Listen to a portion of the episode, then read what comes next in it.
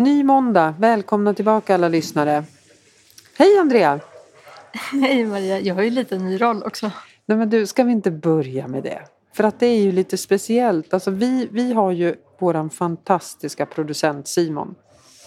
Men jag känner att du har lite tagit en ny roll i podden. Du är också inte bara, säger man programledare? Ja. Mm.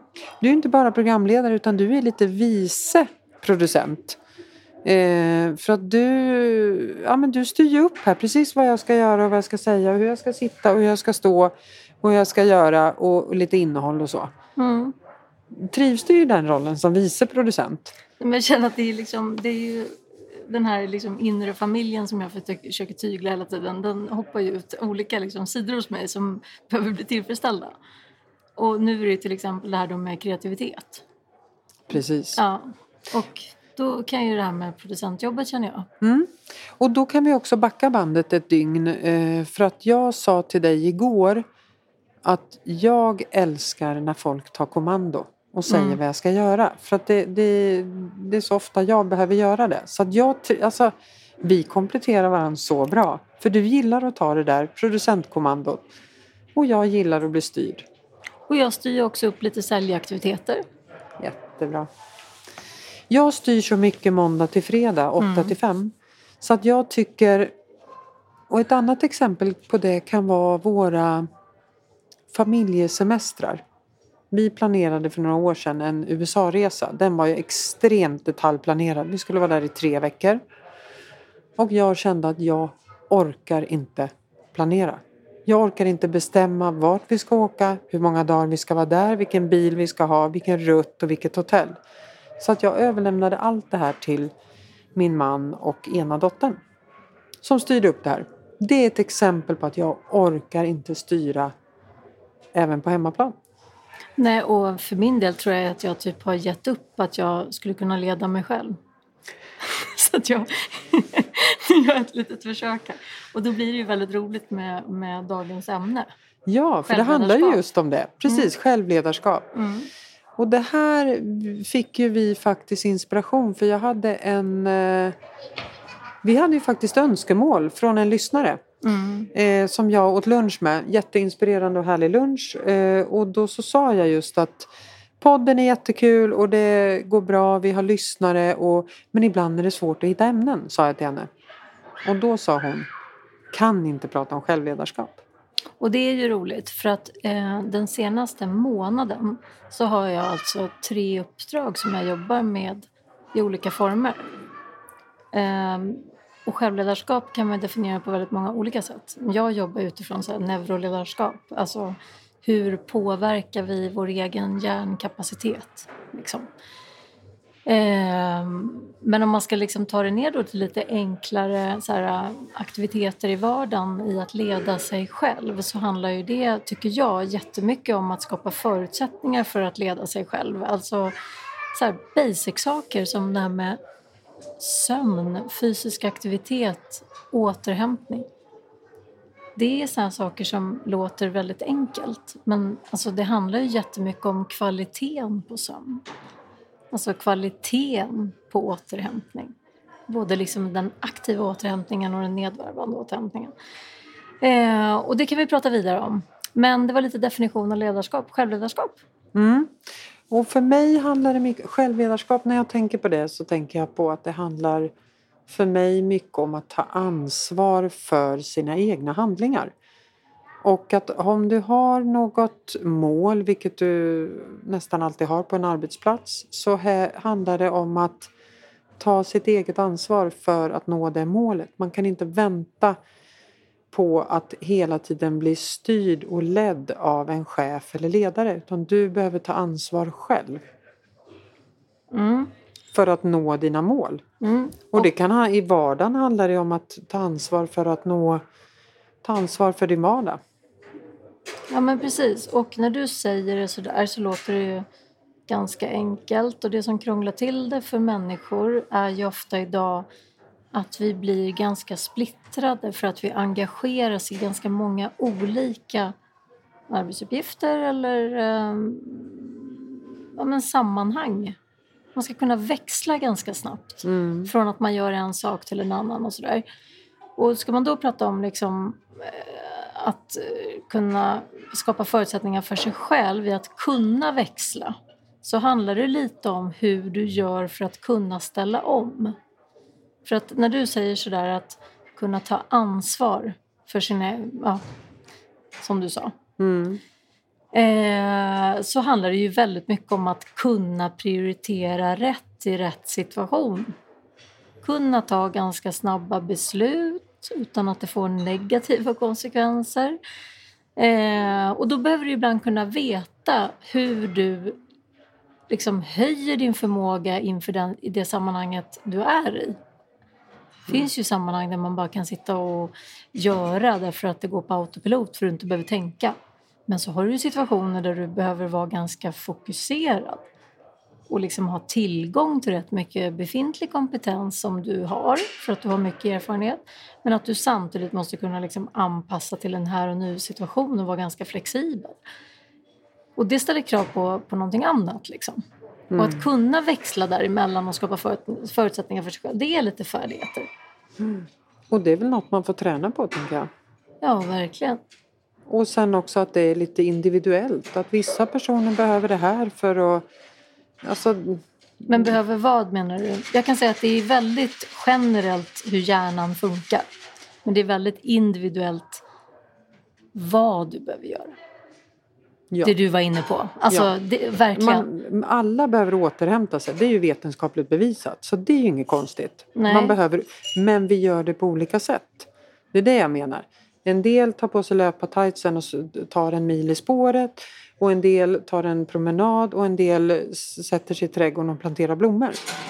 Ja, Alltså man, man återhämtar sig på olika sätt. Det är det jag menar. Att den är individuell. Sen att vi behöver återhämtning. Det, Ja, det precis. behöver man ju. Man behöver ett visst antal timmar sömn för att överleva och allting. Och må bra. Men att vi återhämtar oss på olika sätt. Det, det går inte att generalisera att man, tänker jag. nej, men om man tar det där som du sa nu med man behöver visst antal sömn för överlevnad och så är det ju.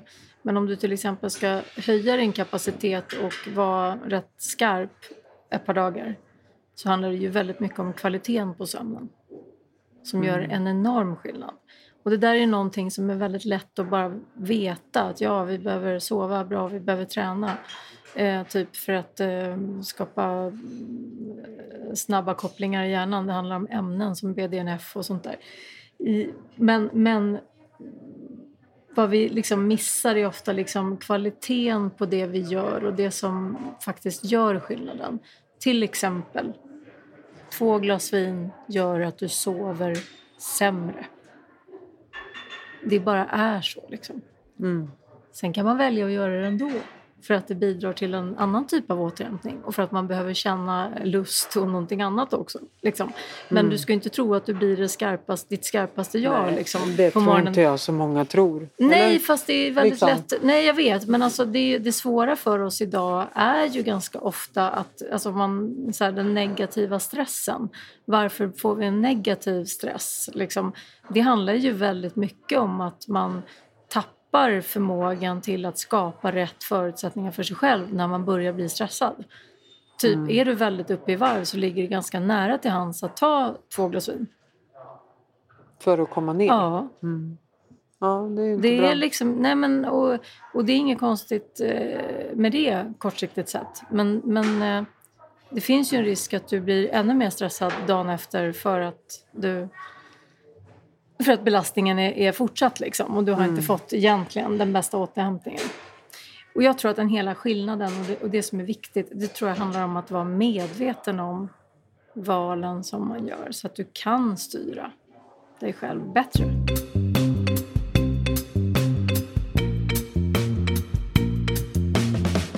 Självledarskap för mig handlar väldigt mycket om att ta ansvar för sina egna handlingar.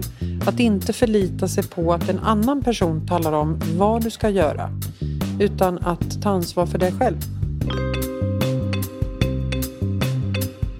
Men du har ju du har jagat på idag.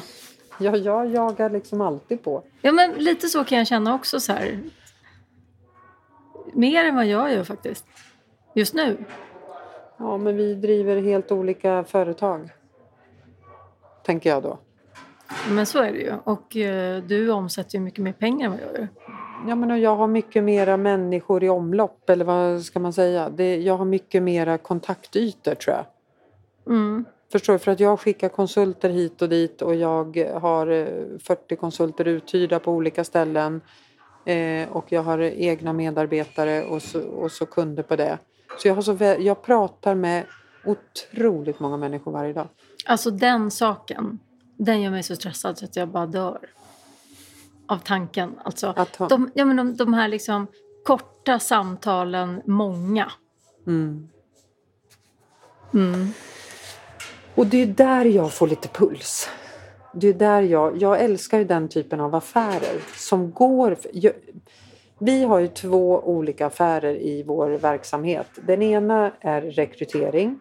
Och en rekryteringsprocess kan pågå, det vet ju du som har jobbat med rekrytering, kan ju pågå i tre månader. Innan kunden har bestämt vilken kandidat de väljer. Det är en affär. Sen har ju vi vår konsultaffär. Där kunden ringer och säger, vet du Maria, jag behöver en person på plats imorgon eller övermorgon som kan det här och det här och det här och det här. Det kräver ju lite av mig. För att få fram den där personen till övermorgon. Mm. Det- Du gillar ju det. Jag gillar ju det, jag älskar det.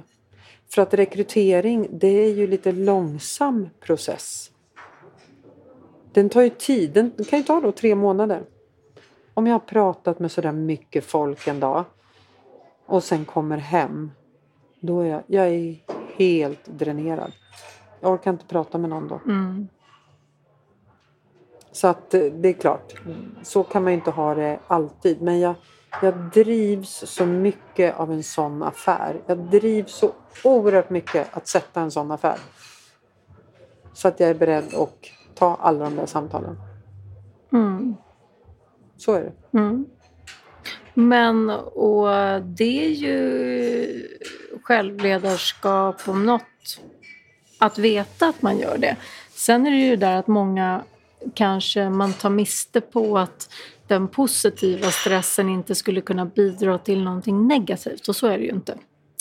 Jag tänker Nej. att det också är ganska stor skillnad att sitta som eh, VD och att ha extremt mycket jobb och eh, så här, ansvar när man inte är det. Ja, men jag tänker just det där, det, är faktiskt en fara som jag ser som eh, det är lätt att inte det är lätt att man tror att eh, det är svårare att få den där naturliga återhämtningen ju mindre ytterst ansvar du har. Alltså som vd eller som ägare då har man ju på något sätt en ganska stor frihet. Som du om man äger bolaget helt själv. Jag menar det, det behöver man inte ha om man är vd och anställd vd. Nej. Men jag tror att det är lätt att underskatta liksom, behovet av återhämtning om man skulle köra på som anställd. Det tror jag också. Och som sagt, återigen, det handlar ju om att hämta sin egen återhämtning. Jag menar, nu har vi varit ett par gånger här under eh, coronapandemin i Åre och jobbat. Vi jobbar hur mycket som helst, men man tar en timme paus, åker ut i längdspåret eller i slalombacken. Det, där kan du snacka om rätt återhämtning, för mig. Mm. Sen gud, jobbar jag ja. lika många timmar som jag gör hemma, om inte mer. Men du får den här återhämtningen för att du gör någonting du tycker är väldigt härligt och mår bra av.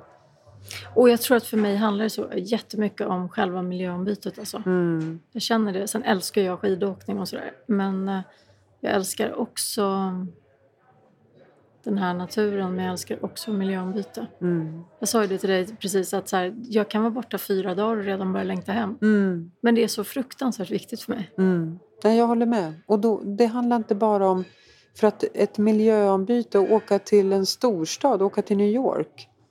Det skulle inte vara samma sak för mig. För att där har du en puls och du har storstadsliv och det ska springas på ett helt annat sätt. Här har du ju ett lugn, Mm. alltså, som jag då tycker i fjällen. Du har ett lugn, du är ute, du... Ja, naturen runt hörnet och det är liksom luft och så vidare och så vidare. Det är också självledarskap. Att, att veta att det ger så mycket med de där fyra, sju dagarna. Mm. Och att också göra det. För det är ofta det som är svårt, tycker jag. Alltså att, att sätta sig och organisera det där som Och man faktiskt måste göra, göra för, det. Ja, för Mm. att få till det tillräckligt ofta som man behöver. Mm. Jag, eh, Jag skulle, precis det är ju självledarskap enligt mig. Att ta ansvar för att vad får dig att må bra? mm, Vad får dig att prestera bättre? Jo, men det är att åka iväg några dagar, jobba, jobba, jobba, jobba superintensivt men ändå återhämta dig i längdspåret eller backen. Det är ju verkligen självledarskap. mm. Absolut. Och jag tror ju personligen, nu pratar jag bara utifrån mig själv, men hade jag inte suttit hemma ett år och jobbat så hade jag inte känt det här stora behovet som jag känner nu. Nej. Jag känner ett enormt behov av miljöombyte. Hade jag suttit på mitt kontor med mina härliga kollegor så hade jag, jag hade inte känt det på samma sätt. Jag hade haft behov av det, absolut, men inte på samma sätt som jag har nu. Självledarskap handlar ju väldigt mycket om att ha färdigheten i att skapa förutsättningar för sig själv. Jag tänker på ganska enkla saker som det här med sömn, fysisk aktivitet, återhämtning. Men en annan aspekt är ju det här att det är ju också intressant att jag sitter med tre, tre uppdrag med självledarskap. För det är ju inte helt frånkopplat eh, corona och Nej. distansarbete. Det var ganska mycket kopplat till det. Mm. Att behovet har blivit så mycket större av att eh, kunna leda sig själv eftersom vi inte har Ses. närvarande Nej. chefer i den utsträckning som vi har haft. Så det tycker jag är intressant också. Att ehm, hur man ska hantera det här. Mm. För det är ju utmaningar. Det är det. Det här som kommer naturligt för dig som du säger. Eh, det är mycket som kommer naturligt för mig också när det kommer till min egen motivation faktiskt. Eh, jag drivs ju väldigt mycket av min egen leverans och det finns nästan aldrig ett motstånd någonstans faktiskt. I att liksom just det här att ta saker vidare hela tiden Mm. med det jag faktiskt sitter och håller på med. Det är ett så här genuint intresse som bara en motivation och en drivkraft som bara går av sig själv. Och då är det ju ändå så att jag träffar ju människor hela tiden och jobbar ju med människor. Så att det kanske kommer enklare då. För att jag hör ju att många har väldigt stora utmaningar med att man jobbar själv. Mm. Och då blir det här Och med än självledarskap. mera, än liksom- mera nu liksom. Ja, men exakt. Och då blir det väldigt viktigt att du kan just där ställa om mellan alla teamsmöten och samtidigt kunna börja göra det du behöver göra. Där tappar många. Ja, det, Jag ja. känner också det när jag har liksom en förmiddag med teamsmöten. Mm. Jag blir liksom, det så här som att jag börjar zooma ut. Så här. Jag märkte det i morse när jag sitter mellan så här 9 och 12. Mm. Eh, och när jag sitter med ett och samma, alltså så här föreläsningsform och så här, att eh, det blir liksom som att jag börjar liksom tänka på andra saker. Jag plockar upp telefonen och börjar pilla. Liksom, och jag börjar så här, fast att det är jätteintressant. Mm. Men jag liksom, det är någonting som, som tappas. Mm. Och då blir min lösning att eh, just ta mig ut och Mm. röra på mig. Mm. För att, För då, få tillbaka det där. Ja, men då får jag tillbaka det. Men jag ut- tror inte att vi är unika. Jag tror att det är ganska vanligt att det är så. Att sitta på ett teamföreläsning eller teamsmöte i två, tre timmar. Det är jäkligt svårt att hålla energinivån uppe. Om du jämför med att du är på en föreläsning. Det läggs in lite fikapauser. Man minglar i pausen och pratar med folk. Och man, någon står på scen och pratar. Alltså det är något helt annat Mm. än att sitta hemma vid köksbordet framför sin skärm.